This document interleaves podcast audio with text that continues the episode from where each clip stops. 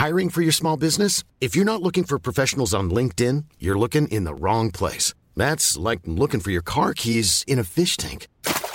LinkedIn helps you hire professionals you can't find anywhere else, even those who aren't actively searching for a new job but might be open to the perfect role. In a given month, over 70% of LinkedIn users don't even visit other leading job sites. So start looking in the right place. With LinkedIn, you can hire professionals like a professional. Post your free job on linkedin.com slash people today. When you're ready to pop the question, the last thing you want to do is second guess the ring. At Bluenile.com, you can design a one of a kind ring with the ease and convenience of shopping online. Choose your diamond and setting. When you find the one, you'll get it delivered right to your door. Go to Bluenile.com and use promo code LISTEN to get $50 off your purchase of $500 or more. That's code LISTEN at Bluenile.com for $50 off your purchase. Bluenile.com code LISTEN. Hi, I'm Daniel, founder of Pretty Litter. Cats and cat owners deserve better than any old fashioned litter. That's why I teamed up with scientists and veterinarians to create Pretty Litter. Its innovative crystal formula has superior odor control and weighs up to 80% less than clay litter. Pretty Litter even monitors health by changing colors to help detect early signs of potential illness. It's the world's smartest kitty litter. Go to prettylitter.com and use code ACAST for 20% off your first order and a free cat toy. Terms and conditions apply. See site for details.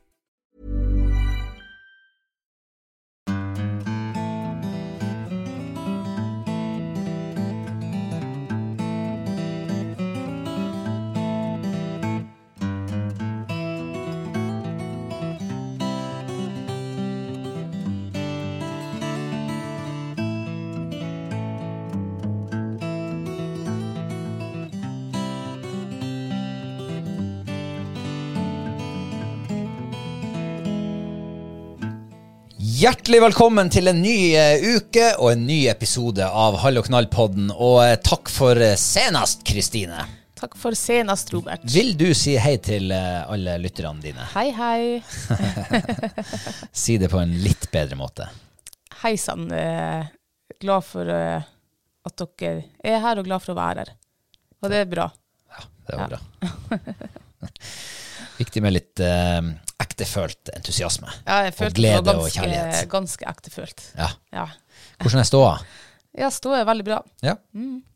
Det er jo godt å høre. Yes. Men eh, jeg lurer jo på en liten ting. Ja. For at eh, jeg klarer ikke å, å fri meg fra eh, det faktum at i fantasy-ligaen vår så har du altså Du er på klatring. Oi. Ja. Ja, det er positivt. Du har ikke vært og sjekka sjøl, du har gitt opp for lenge siden? Nei, jeg har gitt opp, jeg. ja, har du klatra mange plasser? Nei, Oh, ja. eh, ikke så mange. Okay. Men du klatrer. Ja, ok, men Det, det er jo det er jo noe. Ja. Ja, du har klatra fra nest sist til tredje sist. Og nå har du altså den nette summa 191 poeng. Ja. ja, ja. Det er jo noe, det. Ja.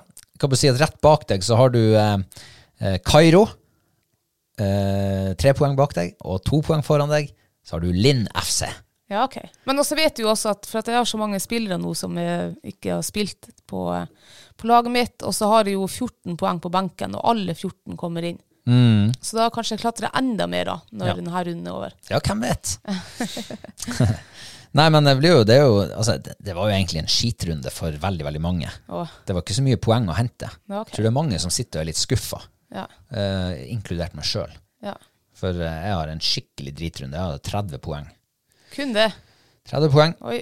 Ingen flere som skal spille, så eh, jeg, jeg, du klatrer, og jeg, jeg synker. Ja, men da er det jeg, for jeg får 53 poeng nå fra denne runden. Så da har jeg jo gjort noe rett. Ja, ikke sant? Ja, Ja, ja, ja. Nei, men det, det ja sier. det Det, er bra. Det spinner seg lovende ut for meg. det er jo noe som eh, teamet her, i hvert fall, arrangørteamet kan klamre seg fra, fast til, det er jo at eh, du klatrer. Og det er det vi klamrer oss fast til. jeg har Joakim Andersson rett foran meg. Ett poeng foran. 269 poeng har han. Ja, ok. Og eh, A-poeng med meg, Pongstein. Pungstein. Pungstein, ja! så, og så er det tett. Ja, det er tett både bak og fram. Ja. Så, men, eh, men på topp jeg er så søkkende imponert. Der har vi Lou Makari, Fish and Chips, med 319 poeng. Wow. Og eh, samme poengsum så har vi firkant. Han lå eh, oppi der Jeg tror han lå på førsteplass forrige runde. Ja, ok. Eirik Riise. Så eh, jeg synes jeg, Og Buknafisklaget på tredjeplass, 318 poeng. Sykt. Ja. Det er mye poeng. Det blir veldig spennende å, følge Fantasy-ligaen utover. Men eh, vi har en eh, ny Patreon vi skal ønske velkommen. Eh, vi mm, sa jo sist at nå begynner vi å liksom Nå, nå spiser vi oss inn på den, her, eh, den fiskestanga vi forhåpentligvis skal få gitt ut. Ja, men det er bra. Ja, det er bra.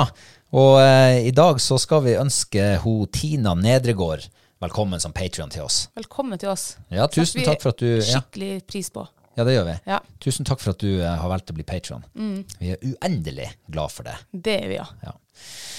Um, og eh, hvis du ikke er Patrion ennå, så er det bare å klikke på linken i episodebeskrivelsen, så blir du patron. Så tenk, hva, du tror, hva tror du hvis vi neste mandag kunne bare sittet her og sagt nå har vi trukket en vinner? Ja, det har vært artig. Det er bare liksom 18 stykk, Ja, så kan vi trekke ut en fiskestang. Det er faktisk kortere vei opp dit enn til at du skal ta meg igjen i Fantasy-ligaen Ja. vår. Just saying. Eh, ja, ok. Um, jeg har fått meg en ny soppfavoritt. Oi. Hva da? Ja. Ikke fotsopp. Uh, nei, ikke de der type soppene. Oh, ja, sånn, sånn etende sopp. Veldig spisende. Oi. Eh, for en par uker siden så var vi kjørende på en eh, sopptur. Mm. og vi kan jo ikke så mange sopper, ikke sant? Nei. Men Vi kan jo nok. Ja, vi kan jo noen. Men så så jeg jo en sopp som var veldig fin, jeg tok den med meg, og det var antydet at det var en, det var vel mer enn antydet at det var en champignon. Mm. men jeg torde ikke å spise den. Eh, og så kjørte vi forbi eh, samme plass på noe i helga, og da måtte jeg bare stoppe og måtte se, er det flere der som jeg kan plukke med, og så bare få artsbestemt den en gang til. Ja. Det sto en kjempeflott, fin, ung eh, sopp. Tok den med hjem eh, og la ut på internett. Og der var det altså konsensus om at det her var sjampinjong. ja. Ikke giftsjampinjong, ikke hvit fluesopp, men sjampinjong. Ja. Eh, så da torde jeg å spise den. Å, jeg har jo fått soppbok i bursdagsgave fra, fra hundeflokken vår. Ja. Så jeg slo jo opp i soppboka og har granska hver en millimeter av denne soppen. Og jeg er trygg på at det er en uh, sjampinjong. ja. Det er faktisk jeg også. Jeg var litt skeptisk her i, for en par uker siden når du kom hjem med den. Men nå er jeg også ganske sikker. Ja. Men jeg måtte likevel lese liksom på eh, hvit fluesopp, for du eh, stekte jo den soppen i går. Ja. Og så spurte om jeg ville smake, og så var hun litt sånn skeptisk. Men jeg måtte bare google hvit fluesopp, for, bare for å se symptomene, hvis du nå skulle få i deg det. da. og eh, jeg har ennå ikke fått noen symptomer, men de her eh, virkelige symptomene de kom visst etter et par dager. Så det er jo eh, Får nå se morgendagen ennå, da. Hvis jeg våkner i morgen, så er det, da er det trygt. Nei, men, altså, men, men, eh, men jeg har jo en bror som er rimelig skeptisk til å plukke, plukke sopp som kan være i hvert fall forveksles med hvitfluesopp. For det er jo kanskje den, en av de aller mest giftige vi har i det her landet. Eh, Så han tror jeg eh, har sittet med og bitt negler i helga. Og han har flere ganger mer enn antydet at eh, han syns det er litt det er litt slepphendt å la Facebook artsbestemme sopp. Ja, det kan godt være det er det. Men nå har jeg brukt mange grupper, og jeg har brukt lang tid. Sant? 14 dager omtrent har jeg brukt på å, og en uh, ny soppbok. Uh, og eh, det, det er liksom ikke tvil nå. Nei, det er ikke det. Og det som er også, det er at hvit fluesopp bestandig har hvite skiver. Eh, Og det, da holder man seg unna det, liksom, for det er ikke vi flinke nok til å, å, å artsbestemme. Men her er soppen her, den hadde jo sånn her rosa rosa, grå skiver. Ja. Og det er det jo sjampinjong som har. Og så er jo eh, sjampinjong er Du har jo en giftig sjampinjong som heter giftsjampinjong. Og den er Altså, får du den i kurven og lukter på den, så skal det lukte Det skal lukte kjemisk av den. Det skal ikke lukte godt. Og så hiver du den i panna og steiker den, så skulle den her lukta ytterligere forsterkes. Og jeg kan jo si at når jeg stekte denne sjampinjongen her, så lukta det ikke kjemisk. Det lukta ikke laboratorium, liksom. Nei, det gjorde det ikke. Så, eh, men for å komme til poenget, for å gjøre en lang historie kort Den ble eh, spist til eh, lunsj i, på søndag. Å, shit, for en smaksbombe. Vet du hva, den var så god. Altså Min favorittsopp eh, det er jo sjampinjong fra butikken. Mm. Jeg syns den er bedre enn steinsopp. og- Syns du det? Jeg syns det. Ja. Eh, men steinsopp er en god nummer toer. Mm. Men her sjampinjongen liksom rett ifra skogen, herregud, den var god. Altså det mm, Det var så godt. Som en eh, bergenser, eh, en kompis av meg, sa til meg en gang. Mm. Det knuller i munnen! Ja, det Ja, gjorde det. Det gjorde det faktisk. Det var helt ufattelig godt. Og, og for, du, for deg som er liksom uh, sjampinjongentusiast, eh, så må jeg bare tenke meg at det her var en stor, stor opptur. For jeg syns den smaken her var så ekte, så frisk, så fyldig, og det var ikke den der litt sånn der flat Det er jo veldig vanskelig å beskrive smaken, men den var ikke sånn flat, avkorta. Den var sånn som butikksoppene ofte er. I hvert fall når du sammenligner dem med det du får fra rett ut i naturen. Nei, det var helt rått. Ja, det var, rå, det var sånn Altså, jeg er vant med den sjampinjongsmaken i butikken, og jeg syns jo den er fantastisk god. Men tenk deg den sjampinjongen i butikken, så kan du gange smaken med ti, altså gange ti eh, sjampinjongsmak. Sånn var den her eh, sjampinjongen vi plukka. Ja. Den var eh, helt nydelig. Og så er det jo selvfølgelig malurt i de fleste begrene. Og det er det jo også med den her eh, sjampinjongfamilien. Fordi at de driver og eh, har en tendens til å opplagre noe sånn her eh, giftstoff. Jeg husker ikke hva det heter i farta. Eh, Så eh, man skal ikke spise for mye av det. Nei. Eh, Man skal holde Bare sånn avfallsgiftstoff, liksom sånn der. Ja, altså det var noe sånn eh, Nå tar jeg det på veldig dårlig hukommelse. Noe slags fenylbensolat fenylbenzolat, et eller annet sånt. Ja. Sorry at jeg ikke hadde forberedt det. Men skitt med det, vi er jo ikke proffer vi. Nei. Eh, Poenget var i hvert fall at eh, eh, den soppen, særlig hvis den vokser i litt sånn urbane strøk, for det er jo gjerne en sånn parksopp, kultur... Altså, den vokser ofte i parker, mm. sjampinjonger. Og plukker du dem attmed trafikkerte veier, så kan det være at den har tatt opp mye av det, mye, mye stoffer, giftstoffer i seg. Så derfor bør man begrense det. Men nå er jo sjampinjong en av de soppene man visstnok kan dyrke sjøl hjemme. Ja, Så da kanskje man klarer å dyrke liksom sånne her giftfrie eh, eksemplarer. kanskje det. Jeg skal, fuck- jeg skal prøve deg. Hvordan gjør man det? Nei, jeg husker ikke noe helt. Sår sjampinjongfrø? Nei, jeg tror det, jeg husker det var et eller annet i en bøtte, og det må ha sånn, sånn og sånn eh, klima og ja. Eh, Jeg må undersøke det litt. Ja, ja, men altså, da kan vi jo Kan ikke vi komme tilbake til det når du har funnet det ut? Ja. så, kan du, så kan du opplyse oss om det. Ja. Så, men da var det jeg ville si, at eh, jeg har fått meg en ny favorittsopp. Den var bedre enn steinsopp. Gratulerer. Tusen jeg har også takk. fått en ny favoritt. Du har det, ja? Ja, ja. Ja, så bra. Den der eh, soppsesongen, altså. Vet du hva?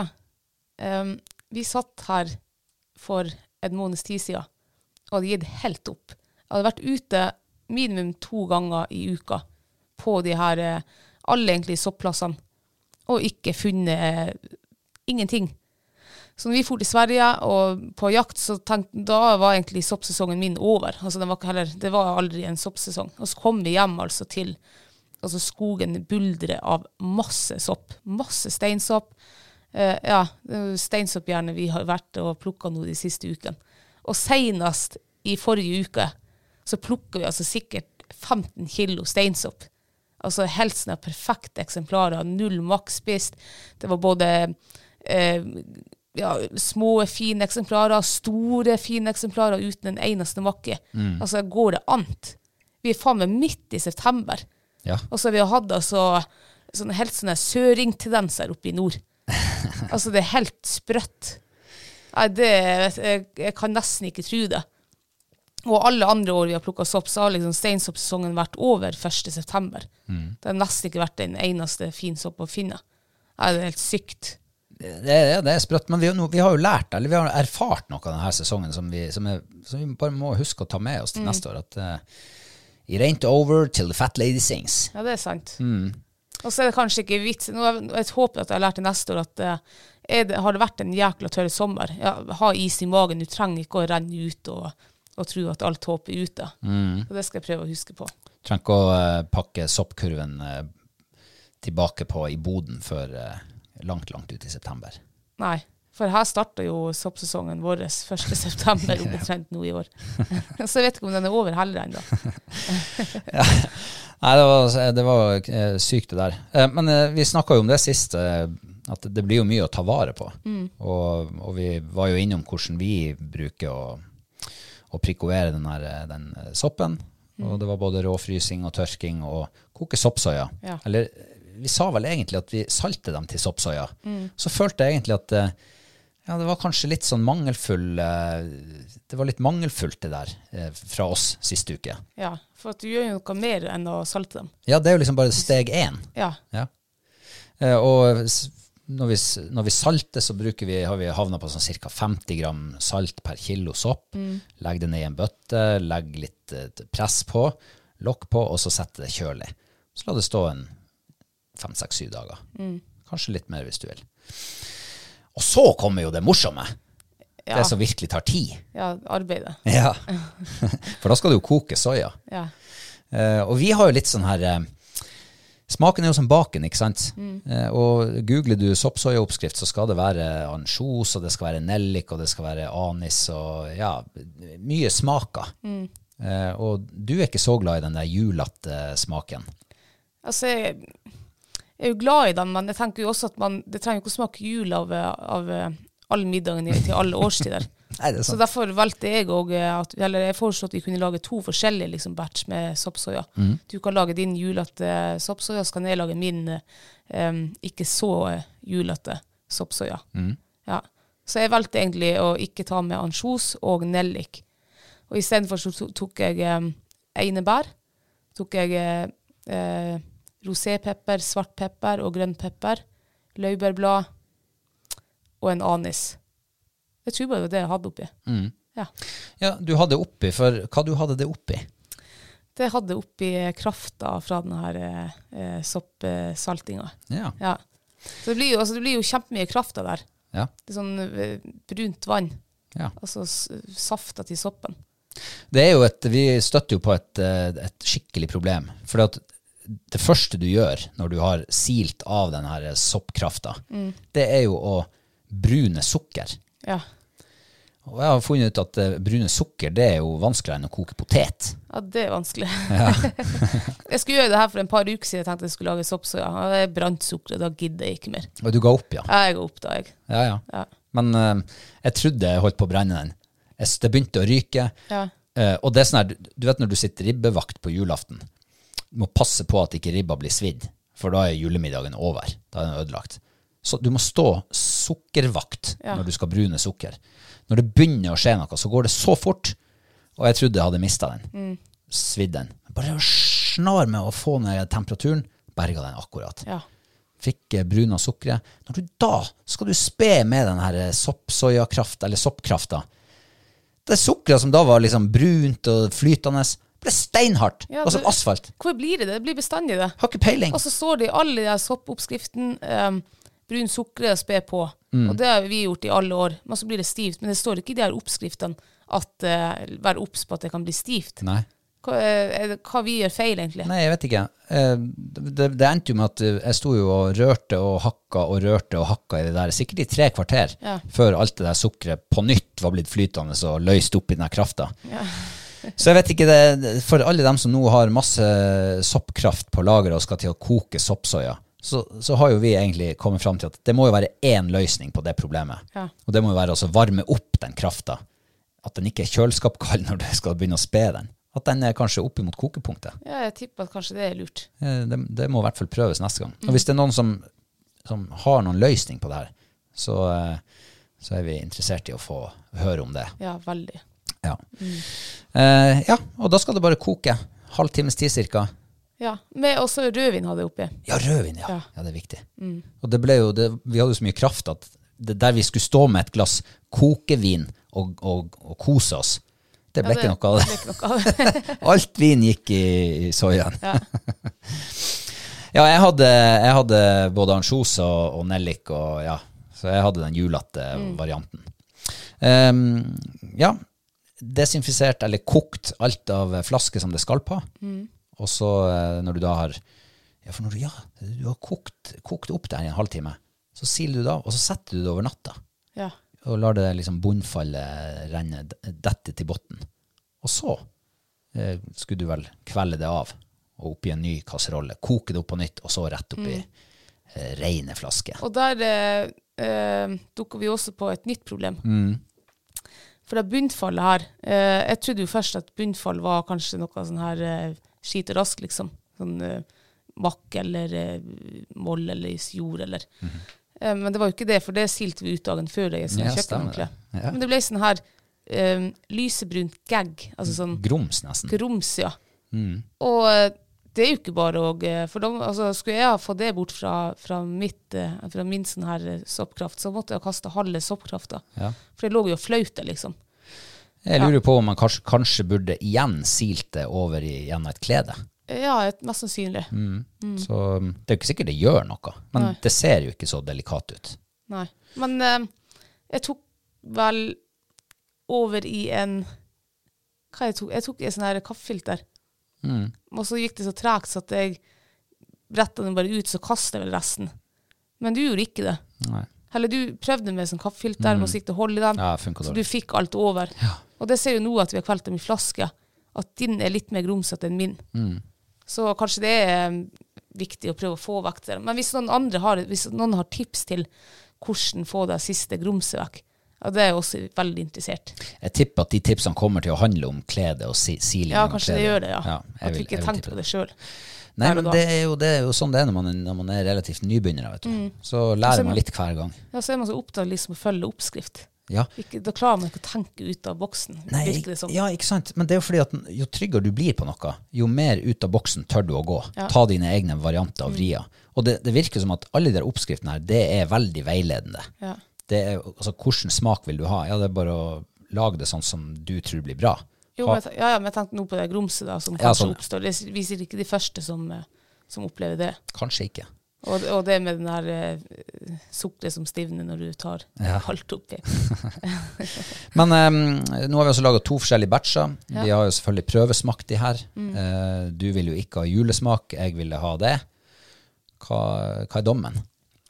Nei, eh, så dommen er jo at uh, soppsoya i seg sjøl jeg syns ikke er noe særlig godt. Det er ikke noe du sitter og nyter på i et lite shotglass på Nei, det er det ikke. Jeg fikk litt sånn her Jeg skulle ta en sånn teskje med medisin når jeg det på. For. Men det, altså, jeg kjente det var soppsmak i min, syns jeg. Eh, den var litt sånn rund, sånn eh, Litt sånn mild og rund i smaken. Og din var litt mer sånn skarp. Mm. Det var litt Det var sikkert ansjosen eller noe som gjorde det. Ja, det vil jeg tro. Ja, men jeg tror de egner seg veldig bra til eh, saus eller wok eller glaze eller Og det er jo det, ikke sant? Det er jo det, det, er jo det som er hele poenget. Det er jo smakstilsetting. Ja. Ekte laga greier. ja. Så jeg gleder meg til å, eh, å prøve det i uh, fiskekakevokken, for eksempel. Ja, det gjør det også. Ja, eller ørretvokken. Mm. Um, men jeg syns ikke den passer til sushi. Nei, det gjør nok ikke. Den var helt annerledes enn det jeg hadde kunnet tenkt meg å døppe en sushibit oppi. Ja. Så det, min blir i hvert fall kun brukt til matlaging. Det gjør min også. Nei, men eh, vi lærer noe så lenge vi lever. Det er sant. Og den som lever, lever.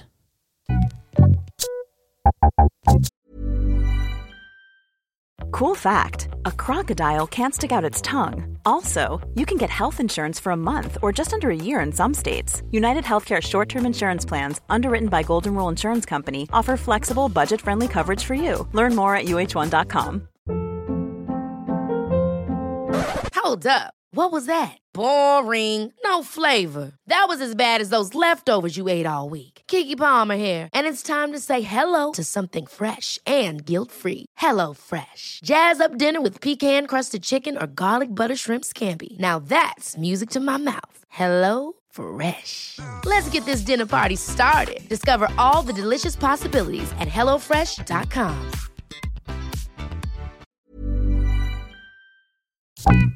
Du, det har jo vært en merkedag i Fight sin rekonvalesensperiode. Ja, det har det vært. Ja. På, eh, altså nå i helga så ble jo Fight endelig med igjen tilbake til Høstfjell. Og Kan jeg bare synge? og- Guess who's back? Yeah, Fight is back. Uff uff, det var så stor lykke å ta henne med på altså Det var så deilig, var det. Jeg fikk skikkelig sånn en lykkefølelse i kroppen. og fra morgenen hun ser at vi pakker sekken. Hun er jo ikke dum, hun har jo sett oss pakke sekken sikkert uh, titusener av ganger. Og hun ser den gleden i hunden, at nå vet hun at nå endelig nå, nå er hun tilbake, liksom. Og hun har jo, har jo så nød med å komme seg ut i bilen at hun holdt på å renne hele huset og parkeringsplassen og alt før hun traff den bilen. Um, jeg, jeg, blir så glad inni hjertet mitt. Men allikevel, jeg, har jo sagt at jeg ikke skal Jeg skal ikke liksom gå og, og, og uh, tenke på den sykdommen, at uff, måtte om det kommer tilbake, og liksom gå og kikke og sånn, hele tida være sånn på varsom og sånn der. Men jeg må innrømme at det var ganske varsom når uh, vi begynte å gå opp mot fjellet. bare sånn, Prøvde å kikke, liksom, ja, er det noe, er det noe galt nå? Ja, nei, nei, kanskje ikke, og sånn. Altså sånn. Um, men eh, når vi nå kom opp i høyden, og jeg ser jo at hun er frisk og rask, og jeg tar av henne båndet, og jeg når ikke å si ja før hun drar ut i, i søk, da. da og bare se at hele hunden er helt eh, perfekt og plettfri. Uff, det var så deilig, var det. Og så var det så deilig å gå igjen med liksom, hendene i lommene, og så gå og nyte den her eh, fineste utsikten jeg noensinne ser, liksom. Og det er jo fight i, i, i aksjon, søk. Altså, det er vi har, vi har, tre hunder her nå.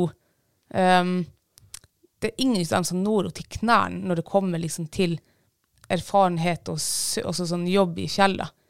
Og det ser man jo veldig godt nå når hun er med igjen. Og liksom Altså, har Reborn han går flott, men når du setter henne fight på, så, så, er det liksom helt annerledes. Hun går så erfarent, og, og, du ser at det her er en skikkelig erfaren jeger som, har gjort det her, liksom eh, Ja. Det, det ble nesten sånn tårevåt i øynene der på hennes første slipp. Og, og, Nei, uff, det var så flott, var det. Og, og jeg hadde liksom et ønske. Jeg har ennå ikke skutt Fuglefro-fighten denne høsten. her. Vi fikk jo bare én andjakt eh, før vi dro til Sverige, og da fikk vi ikke noe NR. Og i Sverige ble det jo ikke noe. Uh, til, til, nye lyttere så kan vi jo bare si at uh, gammeltiursjansen ble blåst. Den ble blåst, ja. ja. Eh, jeg hadde jo selvfølgelig masse muligheter til å fight. Eh, og så hadde jo en på Gullfatja som hun klopp blåste. Um, um, så jeg hadde virkelig håpet liksom at å, jeg håper at vi kan få muligheten liksom på fjellet. da. Og, eh, og når første slipp var over, og, og, jeg liksom skal få ropt henne inn, da, um, så bare Hun hiver seg. Hun kommer inn til meg. Og 30 meter rett foran meg, så hiver hun seg liksom i sånn der piruett opp i lufta, liksom tilbake nesten, og i stand. Uh, og da, da, var det jo bare å, å, gjøre seg klar, og det var, det var så spennende, så. og det var så Ja. det høres helt sykt ut. og at det er spennende å gå opp i en rypestang, for jeg har sikkert gjort det 10 000 ganger, men det er jo faktisk veldig spennende. Altså, Hjertepumpa går jo, mm. og det gjør det uansett eh, om den står på enkelbekka sin, eller om det altså, Det kan være hva som helst, men når hunden står i stand, og du ser inngangen og alt det der, og alt liksom du føler at det her blir en perfekt situasjon, så er det så ah, Det er så eh, deilig liksom å kjenne det her uh, rushet som går gjennom kroppen, da, og du vet at hunden ja, har mest sannsynlig lyst til at det her skal bli et komplett arbeid, sånn at hun får rapportere også. Så jeg går jo opp dit, og du sier at ja, men jeg skal filme det her. Og jeg tenkte ja, det er greit, jeg håper at jeg treffer med den jævla hagla. For uh, hadde jeg ikke truffet, så hadde den hagla vært uh, problemet, liksom. Som den bestandig er. så jeg går opp til henne. Uh, syns jo jeg skimter noe rype, litt usikker. Uh, og når jeg liksom er på jeg er 15 meter fra henne, der kommer det opp et kull. Og jeg legger opp og skyter jo først bomskudd. Og så følger jeg bare den første, altså den rypa jeg fulgte, og så skyter jeg en til. Og da får jeg jo to ryper i ett skudd. Um, og Fight hun fram i en skikkelig fin sånn her uh, fallaport. og det var så deilig å se henne igjen. Da kom de her unghundetaktene eh, hennes og rampa litt. og Sprang nå og henta den første rypa. Kom inn. Og så tenkte altså Den andre rypa ble jo skadeskutt, så tenkte jeg må få henne kjapt ut igjen. Så hun gikk ut der, fant den jo, og så ble det jo et sirkus for øynene. altså nå syns ikke jeg det er artig liksom, sånn, å stå og se på et skada vilt, ikke sånn, altså, sånn der, men det syns jeg er artig å se en hund som virkelig går all in for å gjøre eh, arbeidet sitt. Og det gjorde hun virkelig. og det, hun sprang jo etter den som katt og mus, liksom, til hun fikk tak i den.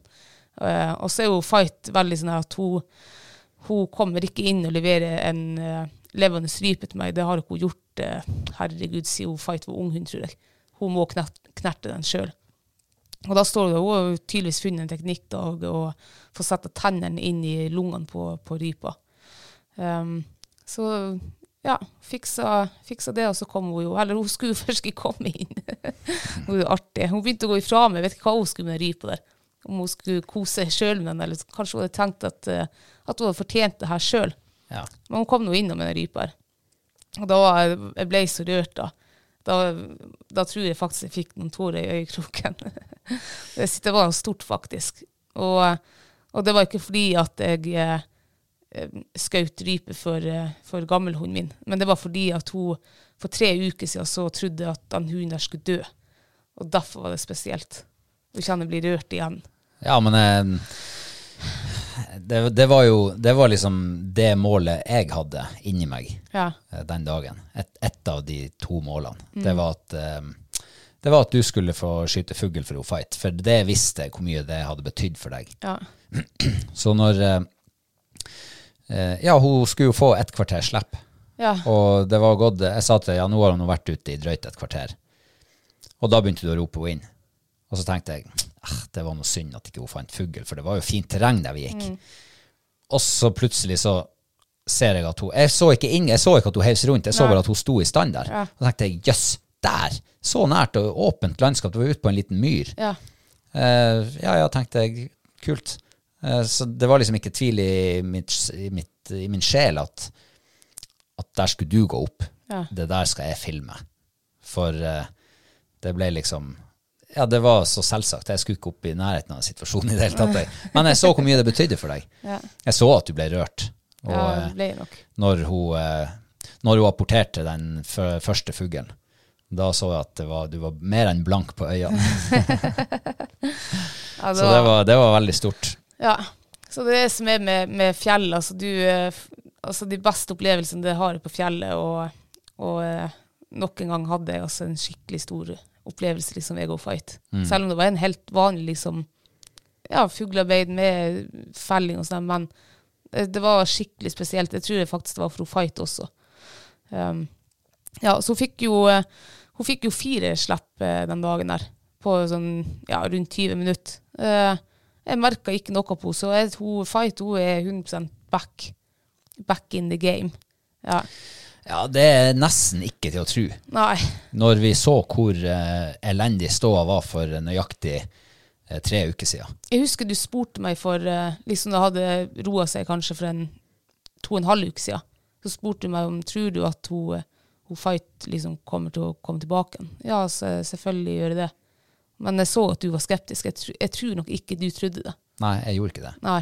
Jeg, jeg tenkte at den sykdommen som hun var Altså det hun hadde i kroppen da, mm. eh, på en så gammel hund det, Jeg var veldig skeptisk til om hun kom til å klare å komme tilbake igjen mm. og fære og jakte. Så jeg er altså så søkkimponert og, og, så glad for det. Ja. Eh, for det Ja. Eh, det kan godt hende at eh, om, om, hun ikke hadde kommet tilbake, og du hadde skutt den gammeltiuren for henne i Sverige, mm. den gullsjansen som ble ødelagt, ja, så hadde det kanskje Jeg vet jo ikke, men jeg tenker at da hadde det kanskje vært litt, litt uh, lettere å svelge om det ikke skulle ha blitt rypejakt i høst på Dago Fight. Ikke for meg. Nei. Nei, okay. nei, nei, nei. Overhodet ikke. Nei. Den uh, hadde vært uh, Ja. Jeg tenkte bare at jeg skulle aldri Jeg, må, jeg skulle aldri tillate meg å tenke på at det at uh, hun ikke fikk være med på jakt igjen. Mm. Så lenge jeg så at det var framgang, så tenkte jeg at ja, men da er du tilbake i fjellet. Men når, det visste jeg jo ikke. Om det ble liksom uh, ja, om noen uker eller noen måneder. Men jeg visste at hun skulle tilbake til fjellet. Det var jeg helt overbevist om. Mm. Og i hvert fall etter jeg hadde lest, jeg har lest veldig mye om den sykdommen her. Og da ble jeg enda mer sånn uh, ja, overbevist om at hun kom til å gjøre det. Mm. Så, men det er jo en, altså, jeg har jo sagt at hørselen hennes har vært eh, ja, delvis borte eller helt borte på et, mest sannsynlig høyre øre. Um, og det er den fortsatt. Jeg ser Hun hører meg rett og slett ikke. Altså, hun uh, Siste slippet jeg skulle ha henne inn, nei, hun, hun passerer meg på liksom 40 meter, og jeg roper for full hals. Hører meg ikke. Og jeg tror ikke det er selektiv hørsel. For jeg har sett før, når hun, for hun kunne jo hatt liksom, nei, hun gidder ikke å komme inn enda. Men da ser jeg jo at hun gir meg en liten sånn her Altså, hun hører meg da, men jeg tror rett og slett hun har mista hørselen sin. Så det kan jo bli et, eh, et lite sånn uh, ja, men hun, det virker som hun hører visse frekvenser, særlig hvis det blir litt sånn lysere lyder. Lysere, mm. ja, så kanskje du rett og slett er nødt til å begynne å ta fløyta med ja. for å påkalle oppmerksomhet. Det skal jeg prøve. Jeg skal på fjellet i morgen. Jeg skal mm. ta fløyte med og se om hun hører dem. For jeg tenkte jo faktisk, Vi har jo den reiseprøven vår her i oktober. Tenkte jeg skulle stille opp på den. Oh, ja. Og, men det er ikke noe å stille en hund i AK hvis hun ikke kommer inn på innkalling på 40 meter. ja, Det har vi jo sett før, at hun ikke kommer inn på innkalling ja. på 30 meter. Så kanskje hun egentlig har den samme hørselen, det er bare at uh, viljen ikke er helt til stede. eller har hun lært seg noe, at hun, eh, for at jeg skal tro på henne, eller sånn, så skal hun ikke gi meg en, et øye engang. Ingenting. Mm. Men, men, jeg tror faktisk hun har mista hørselen eh, ganske mye etter det. Ja. ja. Så, men det var, nei, det var en skikkelig, det var en gledens dag. var det. Ja. Nei, men det var bra. Ja. Eh, og så hadde jeg jo ett mål til. Ja. For jeg hadde jo to mål, sa jeg jo. Mm. Og um, vi hadde jo uh, sønnen min på besøk her i helga. Mm. Um, og det var, jo, eh, det var, jo, fantastisk vær på lørdag. Det var jo ja. en skikkelig fin dag å være i fjellet. Ja, det var det. Uh, og han var med, uh, og da var jo Første målet var jo oppnådd med at du, du, skulle få felle fugl for å fight igjen. Mm. Og det andre målet det var jo at han skulle få muligheten til å prøve å skyte ja. skyte rype. Mm. Uh, og etter det, etter at dere hadde felt fugl, så var, så vi vel ikke mer fugl på om så hvor lenge. Nei, det var, virka som det var steindødt. Ja, så jeg tenkte at uh, akkurat, det var en sånn dag, sånn som det bruker å være. Du treffer på fugl med det samme omtrent, og så, og så, går du hele dagen uten å se noe mer. Ja. Men uh, ofte så er det jo sånn at når du begynner å nærme deg retur og hjemveien, så dukker det opp noe fugl igjen. Ja. Eh, og sånn gikk det på lørdag også. Mm. Da hadde jo vi skilt lag, eh, og du var på tur ned. Eh, og vi skulle gå en liten runde til, bare for, å, for det er jo veldig fint terreng der oppe. Mm. Og, og, terreng der vi veldig ofte, eller som regel, har, har noen fugler. Mm. Eh, så da hadde vi gått et stykke, og så pipte stand på GPS-en. Reborn står 180 meter foran oss, mm. i motvind. Jeg må bare si at det peip jo min GPS også når jeg gikk ned med Fight. Og jo, da vi skjønte jo at eh, en av hundene sto, og jeg skjønte jo at det var Tobias som skulle få, eh, få mulighet, liksom. Ja. Så jeg var, gikk også der altså, nedover fjellet ganske spent. Altså Hadde du oss inne på dinget? Jeg hadde dere inne, ja. Oh, ja. Så du fikk med deg liksom at her var det stand? Her jeg fikk med at det var stand, ja. Ah. Så jeg var skikkelig spent. Og jeg så. gikk med sånn, eh, ja, haukeører og lytta liksom, om jeg hørte skudd og sånn der. Mm. Altså, det var skikkelig spennende. ja, du, du gikk i blinde med bare ørene på stilk? Ja. ja. Nei, ja, det er klart at um, uh, han har jo ikke mye erfaring med våpen. Nei. Uh, så min uh, oppgave her ble jo å, å lose oss trygt gjennom den situasjonen der. Mm. uansett egentlig hva som skulle dukke opp. Eh, så, og vi hadde jo gått gjennom liksom, våpen, hvordan hagla fungerte, og, og, han hadde liksom fått prøvd å stått og sikte og litt sånt, og gjort de der, den type forberedelser. Mm. Men det er jo noe annet når du kommer opp i en situasjon. Ja, ja. Hun står der, du har en til med deg på jakt, ikke sant, og, og en hund i bånd. Så det er mange ting man må tenke på. Mm. Og, eh, og, så må man jo passe på at ikke det Jeg i hvert fall følte er det sånn. Jeg må passe på at ikke jeg blir oppjaga og liksom begynne å stresse, for da overfører, da smitter det over på han, og så blir han usikker. Eh, så vi tok det veldig pent og forsiktig. Mm. Eh, vi ladda ikke våpenet før vi var begynte å liksom nesten å nærme oss skuddhold. Da så vi han Reborn sto der, eh, på en, helt i begynnelsen av en liten myr. Og vi går rolig framover, og jeg går hele tida liksom, jeg går rett bak han. Har handa på, på, ryggen hans bare og liksom prater oss gjennom. Nå står han Reborn der. Det betyr at du kan ikke skyte oppover der, du får kun skuddfelt sånn og sånn. Og mm. Når situasjonen endrer seg, vi kom lenger fram og mer inn i den, så, så var det liksom, da var Reborn kommet helt på sida av oss, og da var det liksom ok, nå kan du skyte sånn. Mm. Um, men jeg, altså, jeg, vet jo at hadde, altså, får du fuglene på vingene, uh, så forsvinner sjansen mer eller mindre. Da skal ja. du ha litt flaks for å treffe første haglskuddet ditt. Ja, det Så målet mitt var jo å å klare å se fuglen på bakken. Ja. Sånn at, eh, at du skulle ha liksom et, et mål som sitter i ro å sikte på. Og jaggu så ser jeg et haug som stikker opp. 20 meter foran hunden. Ja. Og jeg ser til, sier til han vi stopper opp, så ser du rypa, der sitter den. Nei, han så den ikke. Og måtte begynne å forklare hvor den sitter. Nei, han ser den ikke. Og den bevegde litt på seg, den gikk liksom litt fra, og så ble borte bak en sånn liten kul. Og vi begynte å komme såpass nært. Eh, vi var vel, da var vi på det tidspunktet på en 25-30 meter. Så jeg sa ok, vi må gå litt til fram. Vi gikk rolig framover, prata videre om sikkerhet ikke sant, og hvor er skuddfeltet, og hvis de går på vingene nå, hva gjør du da? Og han gikk med, skuldra, med våpenet i skuldra for å liksom være skuddklar. Og så kommer vi fram og kommer opp på en sånn bitte liten kul. Og da ser jeg på nytt hodet. Og da ser jeg to hode. Så tenkte jeg yes.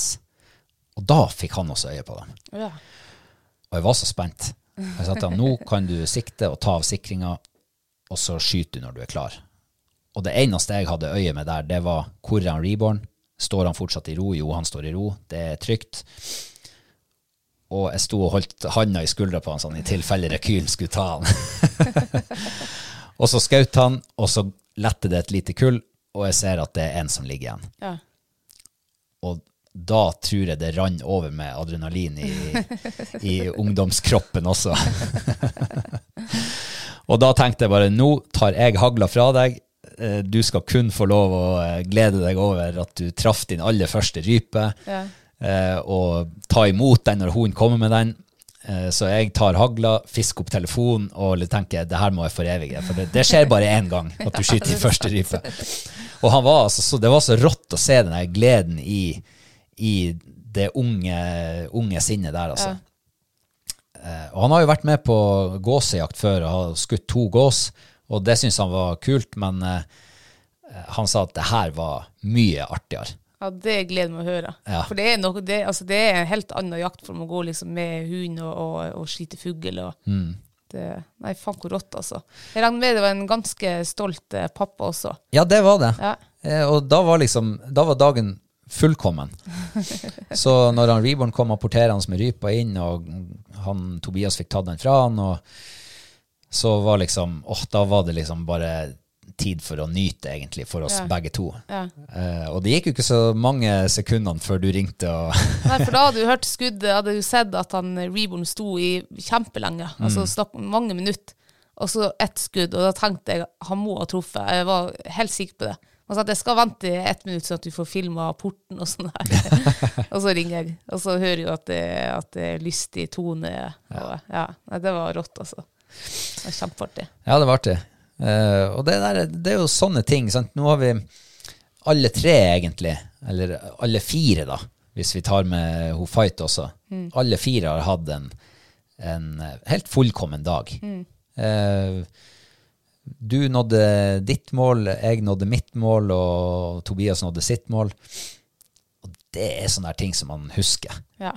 Denne, akkurat denne jaktturen tror jeg kommer til å bli huska av mange grunner framover. Ja, det tror jeg også. Og det er det som er så fint med, med jakt.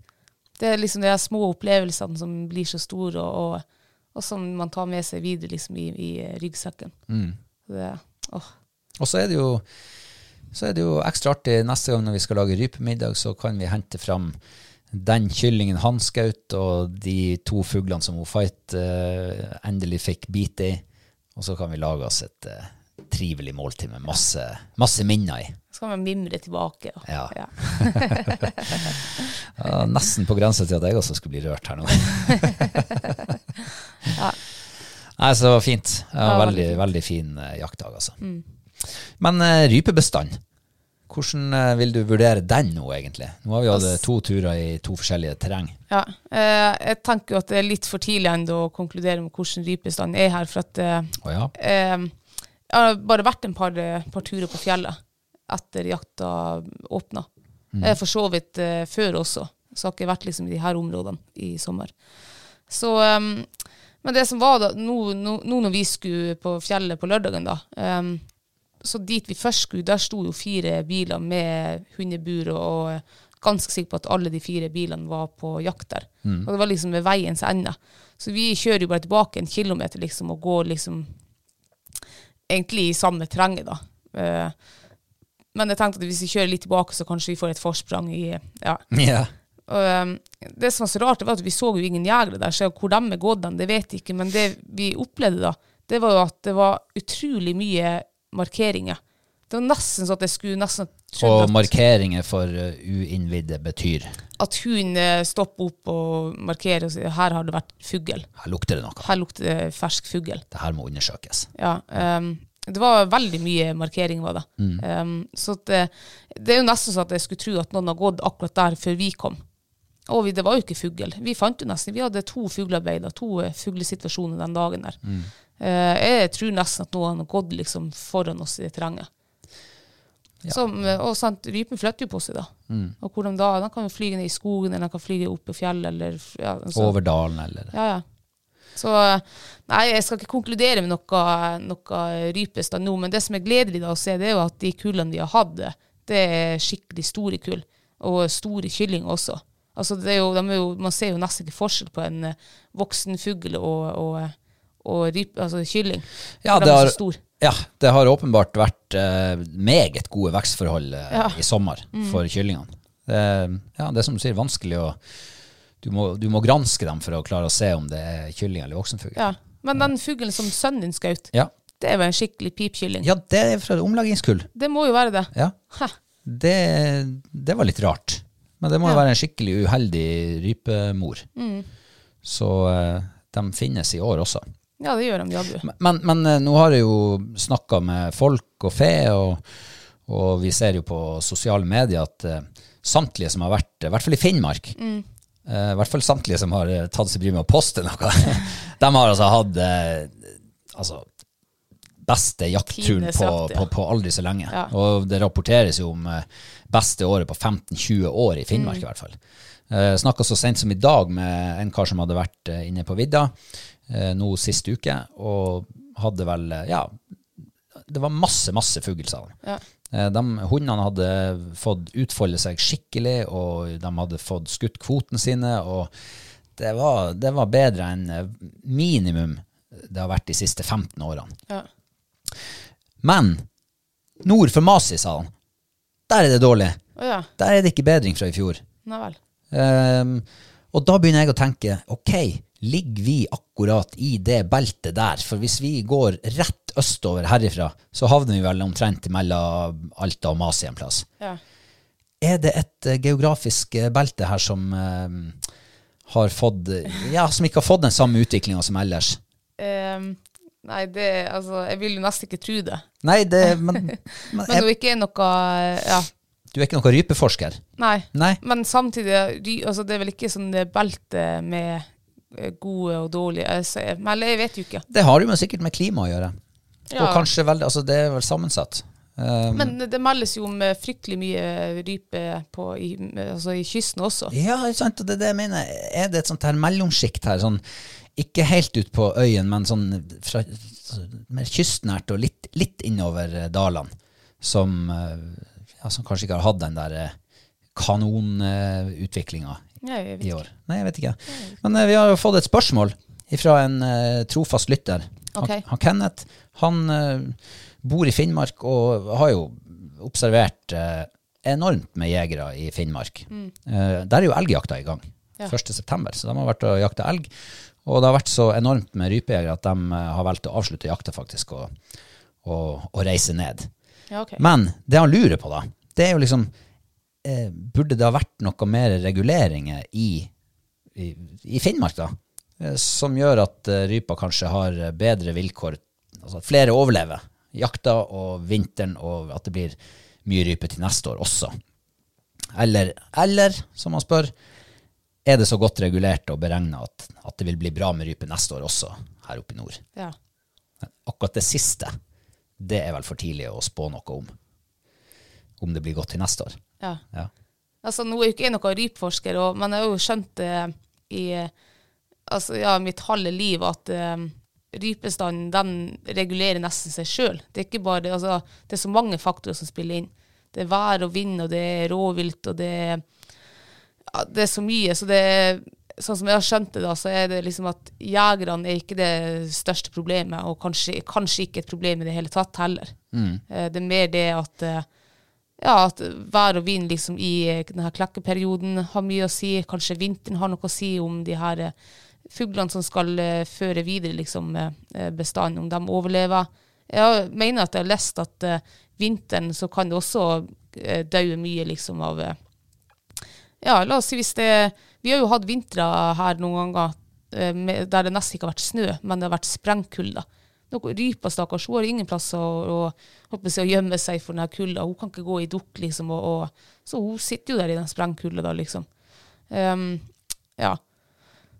Så. ja eh, det er jo det, det, det, her forskes det jo faktisk på. Mm.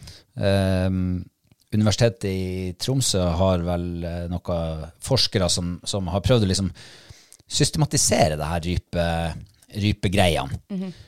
um, og, og for å klare å forutsi hvordan blir årets rypebestand, altså eh, høsten, mm. hvordan blir den rypemessig. Og det de, eh, det de, eh, ser på her, da, det er jo blant annet når kom sneen i fjor? Oh, ja. For hvis sneen lar vente på seg, mm. så blir jo rypa hvit. Ja. Og det betyr jo igjen at den blir jo en sitting duck for rovfugl og, og sånt. Ja. Mye lettere å, å, å, å blir spist. Mm.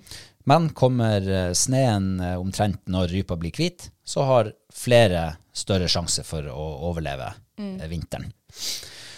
Og så kommer jo kanskje den viktigste, viktigste delen av det. Det er hvordan er værforholdene under klekkinga. Mm. Da trenger rypa varme, eller i hvert fall ikke kulde, og ikke regn. Nei. Og hvis vi klarer å huske tilbake så langt som til eh, klekkeperioden i år, rundt sankthans, slutten av juni, begynnelsen av juli, så var det jo sommer her. Ja, det var ganske perfekte forhold. Ja. ja.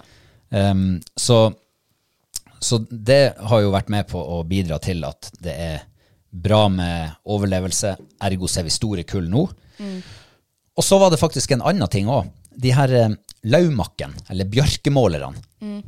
Hvis det er mye bjørkemålere eller laumak, så spiser jo de, de kan jo spise opp alt av blader på trærne og på ja. kratt, som igjen gjør at rypa har eh, mindre skjul. Og er det smågnagerår, så spiser eh, predatorene smågnagere i stedet for rype. Mm.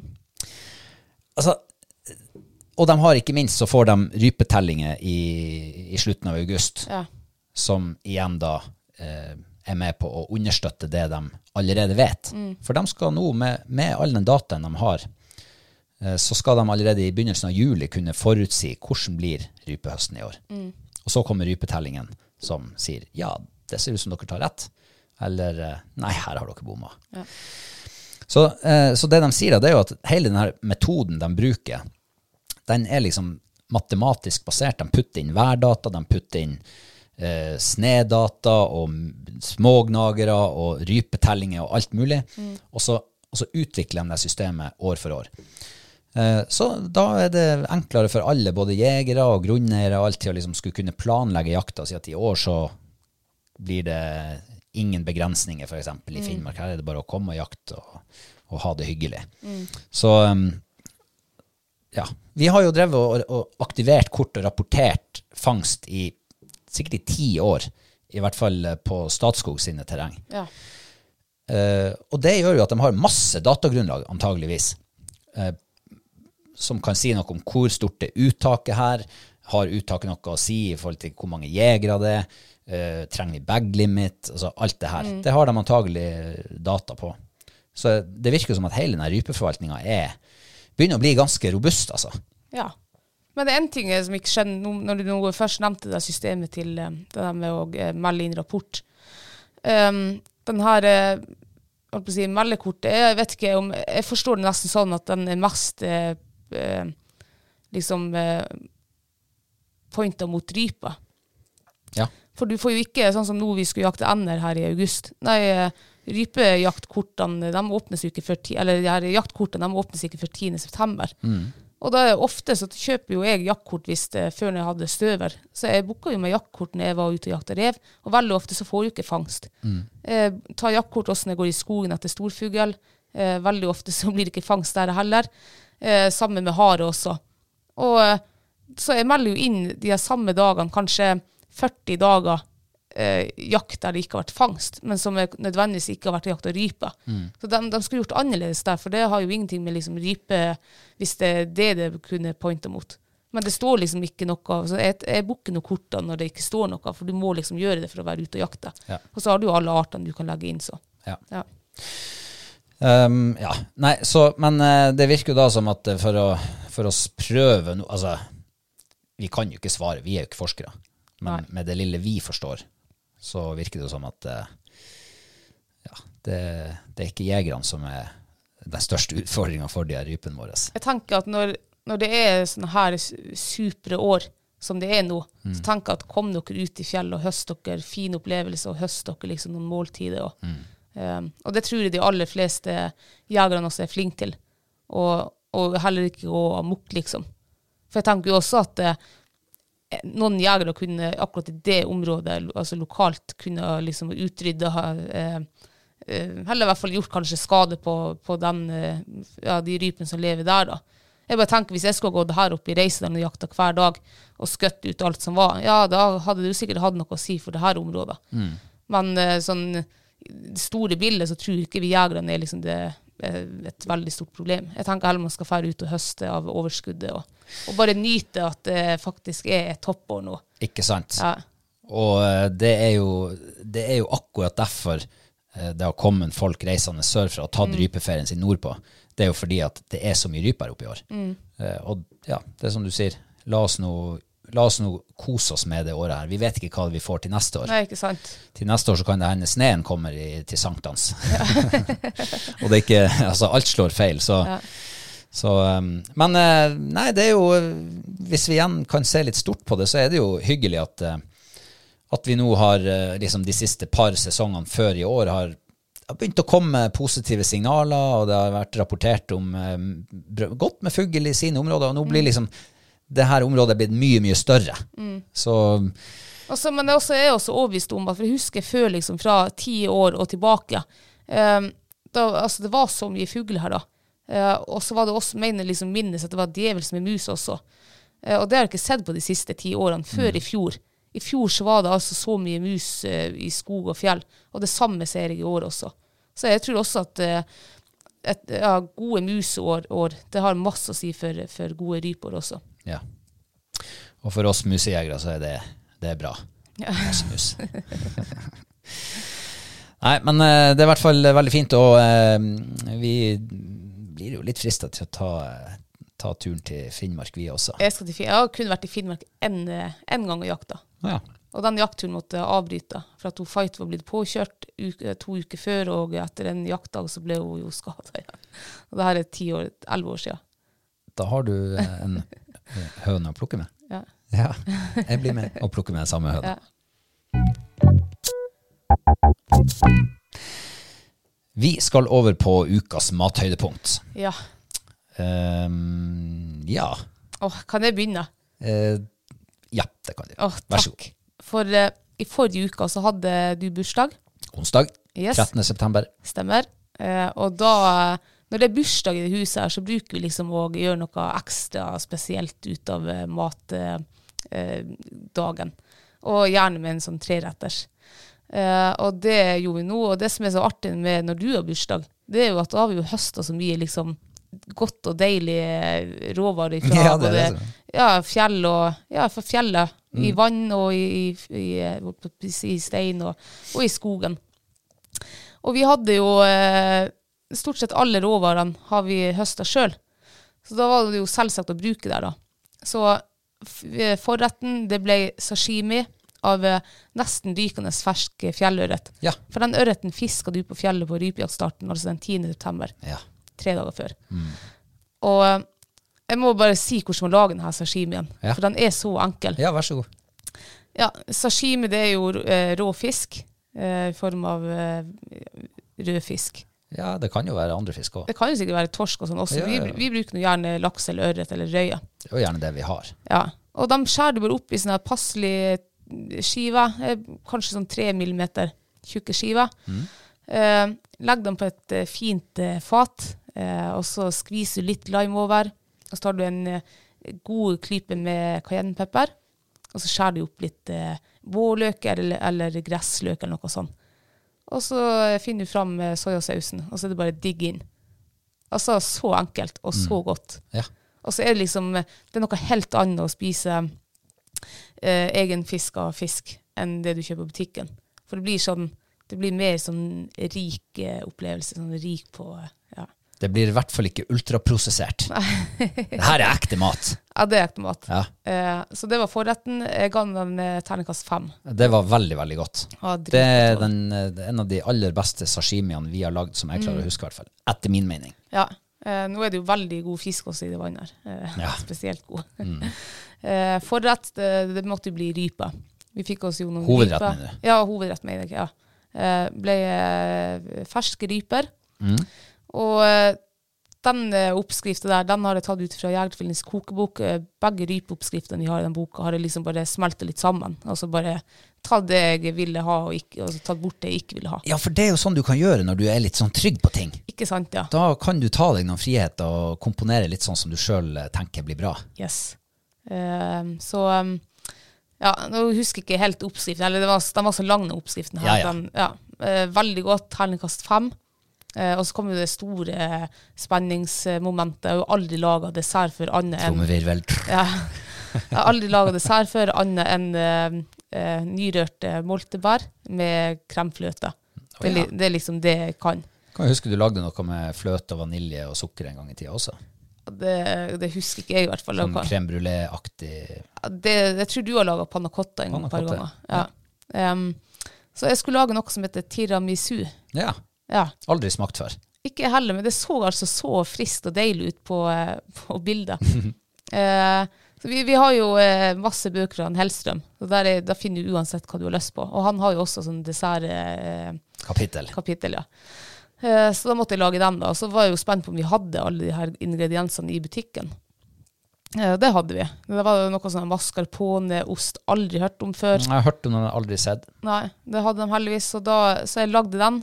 Eh, du lagde jo halve, halve desserten da. Du var god hjelp den dagen, så det er ikke bare jeg som lager mat. Vi lagde den. Ja. Og den var altså så god av den. Og jeg er egentlig ikke en dessertperson, men det var nydelig. Altså, Det var så friskt og deilig etter denne sashimien og, og rype og, og, og med sånn deilige bær. ja. Også ternekast fem. Så jeg har spist tre ternekast fem-retter på en hel kveld. Ja, det var Altså, det vet ikke Det er ikke hverdagskost, for å si det sånn. Nei, det er ikke det. Nei, Det var det- veldig godt. Og så er det jo veldig artig å stå i lag. Og selv om den ene har bursdag og liksom skal være gjest i sitt eget selskap, Mm. Så syns jo jeg Jeg syns i hvert fall at det er veldig artig å stå lag i lag. Gjøre det her liksom være, være to om Mm. eh, tilberedninga også. Ja, jeg syns det er koselig når eh, vi begge to liksom gleder oss over å, å lage mat. Det er artig. Ja.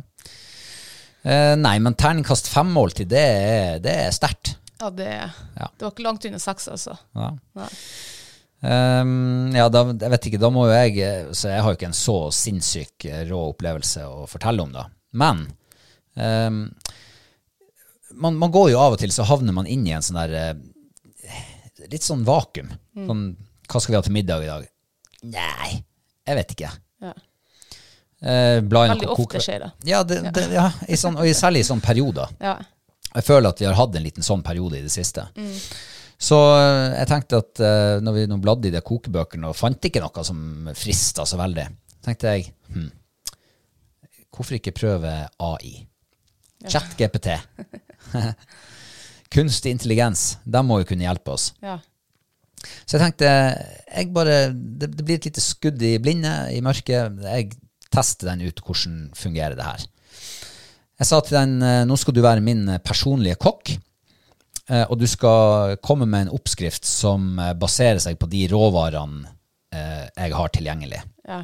Det skal være velsmakende, og det skal være enkelt å lage. Her er eh, råvarene. Torsk, ørret, eh, potet og grønnkål. ja. Og så trykte jeg enter. Og den kommer jo selvfølgelig med ja, det skal du få. Her får du to velsmakende retter med de råvarene du har tilgjengelig. Og det var eh, ørret et eller annet. Jeg husker ikke helt hva. eh, for den fanga ikke oppmerksomheten min sånn. Men torsk, stekt torsk med potet Du, og grønnkål. kan jeg bare avbryte litt? Ja, ja. Klarte den her eh, AI å skille eh, torsk og ørret liksom i To forskjellige oppskrifter. to forskjellige oppskrifter? Ja. Ja. Skjønte han det? Ja, det var oppskrift én var med ørret, og oppskrift to var med torsk. Det er rått. Ja, det er helt utrolig. Han kunne jo like gjerne bare lagd to oppskrifter med ørret og torsk og potet og grønnkål, og så en annen oppskrift med ørret, torsk, potet og grønnkål. Ja, ja. Ja, Det, det, ja, ikke sant. Ja. Um, så det var da med fremgangsmåte og det hele. Ja. Og jeg tenkte ja, greit, det torskeoppskrifta, den fenger meg. Lagde den. Det var altså stekt torsk, eh, og det var eh, potet, eh, mandelpotet som skulle skjæres i skive og steikes i panna i lag med olje og smør. Krydres lett med salt og pepper. Eh, og så kommer X-faktoren, som jeg ikke hadde sett komme. Altså, alle kan skrive steik torsk og steik potet. ja. Men så kom det som jeg, Og det er det, det, det her som er høydepunktet av, altså, av denne retten. Hakk opp grønnkålen. Ta en uh, spiseskje med balsamicoeddik og um, litt Olivenolje. eh, og strø litt salt og pepper over, og blande det sammen. Vi hadde ikke balsamicoeddik, uh, så tok jeg sherryeddik i, sted, uh, sherryeddik i stedet. Ja. Vet du, det var så godt ja. den der grønnkålsalaten gjorde altså hele Det, det var prikken over i-en i den retten her. Jeg var så søkkimponert. Og det var så godt, den var så frisk, den der eh, grønnkålsalaten, at den brukte vi på de rypene som du snakker om. Stemmer det. Ja, Men det var, veldig, altså, det var skikkelig overraskende. Ja. For eh, grønnkål er- altså, Man tenker jo fort at man, kan, man, man skal steike eh, grønnsaker. Mm. Man lager liksom en grønnkålsalat med noe så enkelt som bare litt balsamico, eddik og salt og pepper. Det var, ja, det var skikkelig overraskende. Så veldig godt. Og det eneste jeg savna i den oppskrifta der, det var jo en eh, passende saus. Ja. Så jeg skrev jo etter at vi hadde spist, og liksom det gikk opp for oss at det, ah, det hadde vært godt med saus til. Så, så tok jeg opp denne oppskriften. Så skrev jeg, bare fortsatte i samtalen med ChatGPT. Ja. Så skrev jeg eh, Kan du anbefale en, eh, en god saus som kunne passa til den torsken? Ja, selvfølgelig. Her får du en, eh, en god oppskrift som, som vil komplettere torsken på en god måte. Det. Ja. Og så var det oppskrift på, på en saus. Den husker jeg ikke. Ja, jeg husker bare at vi hadde alle ingrediensene på den der enkle sausen, så det var faken meg synd at vi ikke kom på det før. Veldig synd. Ja. Men eh, det var litt Altså, det ga en sånn aha-opplevelse for meg. At det faktisk går an å be om hjelp. Du trenger ikke å Altså, kruttet kan finnes opp på nytt av noen andre. Så, så det var mitt, eh, mitt høydepunkt. Men det er jo litt genialt også liksom, å kikke i kjøleskapet at ja, du har det, det og det. Mm. Ja, hva man skal lage. Men så skal du begynne å google sjøl på oppskrift, og så mangler du som regel masse Og så blir du sittende. Du blir sittende og søke og søke ja, og lete litt. Og kunne skrive liksom til en sånn her, en, en tredjeperson. Mm. At det her har jeg, og så får du oppskrifta under ett minutt. Ja. Det er jo helt rått. Ja, helt utrolig. Så det der eh, det tror jeg skal prøve igjen. Ja, Mm, har du lyst til å prøvesmake da når eh, ChatGPT kommer med neste oppskrift? ja, ja. ja. Perfekt. Vi skal over på eh, vår eh, stadig voksende lifehack, hack-ukas tips-spalte. Yeah, nå er jeg spent, altså. Ja, du er det, ja? Ja, ja, ja, jeg liker jo de her eh, små, eh, enkle tingene. Eller sånne ting som gjør livet enklere. Ja. Ja. Eh, og eh, nå skal vi egentlig hente fram igjen et eh, godt gammelt triks. OK. Ja. Eh, for vi har fått en melding fra en Henning Kinlett, ok. som eh, slår et slag for, hold Ja. deg fast, Ja, jeg holder meg fast. pisseflasker. Ja! Genialt. Ja, ikke sant? Ja, ja. Som han skriver, utrolig behagelig å ikke måtte ut av soveposen om natta. Soveposen. Ja, Ja, det er jo deres privile- privilegium. Eh, vi jentene vi må jo gjerne ut, kanskje. Ja, dere må, ja, dere må ut av soveposen. Eller må ikke, men eh, Ja, kanskje det for det. Ja, men se for deg det her, da. Du ligger i teltet om natta, Mm. våkner av at du eh, må pisse. Ja. Og så hører du det, altså en million regndråper på teltduken. Mm. Da frister det ikke så mye å gå ut. Nei, overhodet ikke. Så vi menn vi kan bare rulle oss over på sida, eh, hente fram pisseflaska og så gjør vi det vi skal, og så ruller vi oss tilbake, drar opp glidelåsen og sover videre. Dere bare står opp på soveposen, ut i forteltet, eller hvor dere nå gjør det, over pisseflaska. Slipp å gå ut. Ja. og som han skriver, han bruker sjøl en sånn nalgenflaske. Ja. Det er jo en sånn, egentlig en slags stor drikkeflaske med stor kork. Ja. Um, for det, å, det er viktig med stor nok uh, åpning, så det ikke blir overtrykk i flaska. og for dere jenter så er det også en stor fordel med stor åpning. Ja, det er sant. Og det her eh, var eh, artig tips. Eh, Det er noe jeg begynte å bruke for kanskje 15 år siden. Oh, ja. Ja, kanskje ja, 14, 13-14. Nalgen pisseflaske. Ja. Nalgen, faktisk. ja, det var sånn her brei Ja, ja, ja. ja. Ja, for når jeg jakta jerv, tenkte jeg hvordan i faen, jeg kan jo ikke dra ut og, og pisse for hver gang jeg skal for hver gang jeg pisser når jeg sitter i den jervebua. Mm. Og da var det å ta fram flaske, pisse i flaske. Ja. Og så gjerne så satt det jo der kanskje mange timer, så den der, den der Nalgen-flaska, den ble jo full. Aha. Og, og eh, for å gjøre det billigere, da, så gikk jeg heller over på Da for jeg til Europris, kjøpte meg en trakt, eh, og så pissa jeg oppi brusflaske. Så eh, jeg kunne jo ha en hel pose med brusflaske oppå fjellet. Eh, Med solo? solo. Ja, med solo. Så trakt er jo også sånn her hvis man ikke har eh, en stor flaske eller noe. Ja. Eh, Så det har jeg gjort i alle år. Og så har jo vi, eh, for å videreutvikle den her når vi har vært på telttur, vi ikke har kanskje hatt sånn her, vi vil jo ikke pisse i vannflaska vår, og så har vi liksom glemt å ta med en flaske. Det var jo at, og det var jo akkurat det, vi våkna en natt, pissregn, vi lå i Sverige, husker jeg, og så hadde vi Drytech, oppspist Drytec-pakker. Så dem tok vi inn i teltet og pissa i, husker jeg. ja det, det er mange sider av samme sak her, da. Ja. Eh, Men, eh, men eh, ja, altså pisseflaskekonseptet. Ja, veldig godt tips, altså. Ja, vet du hva, det var, jeg, for min egen del hadde jeg helt glemt det av. Ja, jeg hadde aldri kommet på det igjen, jeg. Så nei, så det der var jo helt, helt strålende. Eh, og jeg har jo faktisk vært med på telttur. Jeg skal ikke nevne navn, hvem som var med da, men eh, hvor det ikke var pisseflaske tilgjengelig i teltet. Nei. Uh, og det var, da, ble, da var det mye gule flekker i, i sneen i, i forteltet. Oi. Jeg skal ikke nevne navn. Er det meg du snakker om nå, eller? Nei, nei, nei. nei. Gjerne, ja, på vinteren, ja, da er det pissa. Hvis du har liksom to fortelt. ja, det, for da får du ett pissetelt og ett ja, spisetelt. så det har jeg, jeg har brukt det ene, da. Og så eh, for å videreutvikle oss, da, hvis du har eh, eh, plastikkpose og du har skitast også og du ikke vil gå ut, så kan du bare gjøre det i plastikkposen også. Det har jeg gjort mange ganger. Det er det spesialjegerne gjør. Og så bærer de det hjem etterpå. Leave no traces behind. Henning, det der var et usedvanlig bra tips. Ja. Ehm, så det, det blir nå lagt til i ehm, tipsbasen vår, lifehack-basen. Jeg har lyst til å kalle den for lifehack i stedet for eh, ukas tips. Ukas tips, det høres eh, altså, Det er jo lifehacks vi Ja. egentlig snakker om. Lifehack. Ja. Eh, Så den blir lagt til der, og hvis du nå sitter og hører på og tenker at Hvorfor har de ikke tenkt på det? Hvorfor har de ikke sagt om det? Send det til oss. Ja, Så tar vi det med og legger det til Lifehack-basen vår. det gjør vi, ja. Ja, Kristine, det var det for i dag. Var det ikke Ja. det? Det var vel det. Det ser ut som vi er kommet til veis ende. Yes. Uh, og eh, nå kommer det til å skje eh, ting framover. Mm.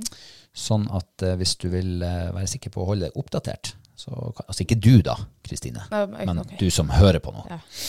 Kjære lytter. Så kan du uh, melde deg på nyhetsbrevet vårt. Så kan vi sende deg en mail når vi har noe spennende å berette. Mm. For det kommer før du aner. Det gjør det, ja. Ja. Kan vi si noe mer? Nei, altså, vi har jo sugd på en karamell nå i mange måneder, Ja, og det- nå er det liksom eh, rett før eh, lansering. Mm. Ja, Det blir spennende. det blir veldig spennende. Kanskje vi om en uke kan si litt mer? Kanskje det, og kanskje for en observant eh, seer, holdt på å si. Ja, følger. Følger, ja. Ja. Kanskje de har lagt merke til også noe i, i eh, feeden. Ja, kanskje det. Kanskje det. Kanskje det. Um, hvis du ikke følger oss på eh, sosiale medier, så må du gjerne gjøre det også. Og hvis du sitter der og tenkte at ja, det var den der Patron-greia jeg skulle melde meg på, så kan du bare gjøre det, altså. Ja. Fikk du påminnelse, en sånn vennlig, hyggelig påminnelse på tampen. og da eh, snakkes vi igjen om en uke. Japp. Og da får vi håpe at vi har lært noe nytt i dag. Ja. Eller eh, erfart noe nytt. Yes. Kanskje et bra minne å putte i banken. Kanskje det, ja. Takk for i dag. Vi høres igjen. Vi høres. Ha det.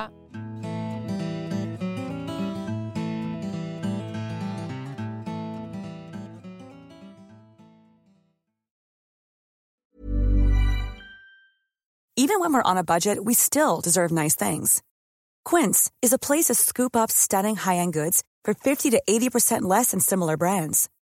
They have buttery soft cashmere sweaters starting at $50, luxurious Italian leather bags, and so much more.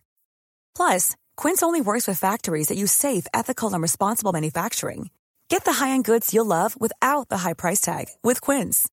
Go to quince.com slash style for free shipping and 365-day returns. Mom deserves the best, and there's no better place to shop for Mother's Day than Whole Foods Market. They're your destination for unbeatable savings, from premium gifts to show-stopping flowers and irresistible desserts. Start by saving 33% with Prime on all body care and candles. Then get a 15-stem bunch of tulips for just $9.99 each with Prime. Round out Mom's menu with festive rosé, irresistible berry chantilly cake, and more special treats. Come celebrate Mother's Day at Whole Foods Market. Planning for your next trip? Elevate your travel style with Quince. Quince has all the jet-setting essentials you'll want for your next getaway, like European linen, premium luggage options, buttery soft Italian leather bags, and so much more. And is all priced at 50 to 80% less than similar brands. Plus, Quince only works with factories that use safe and ethical manufacturing practices. Pack your bags with high-quality essentials you'll be wearing for vacations to come with Quince. Go to quince.com slash pack for free shipping and 365-day returns.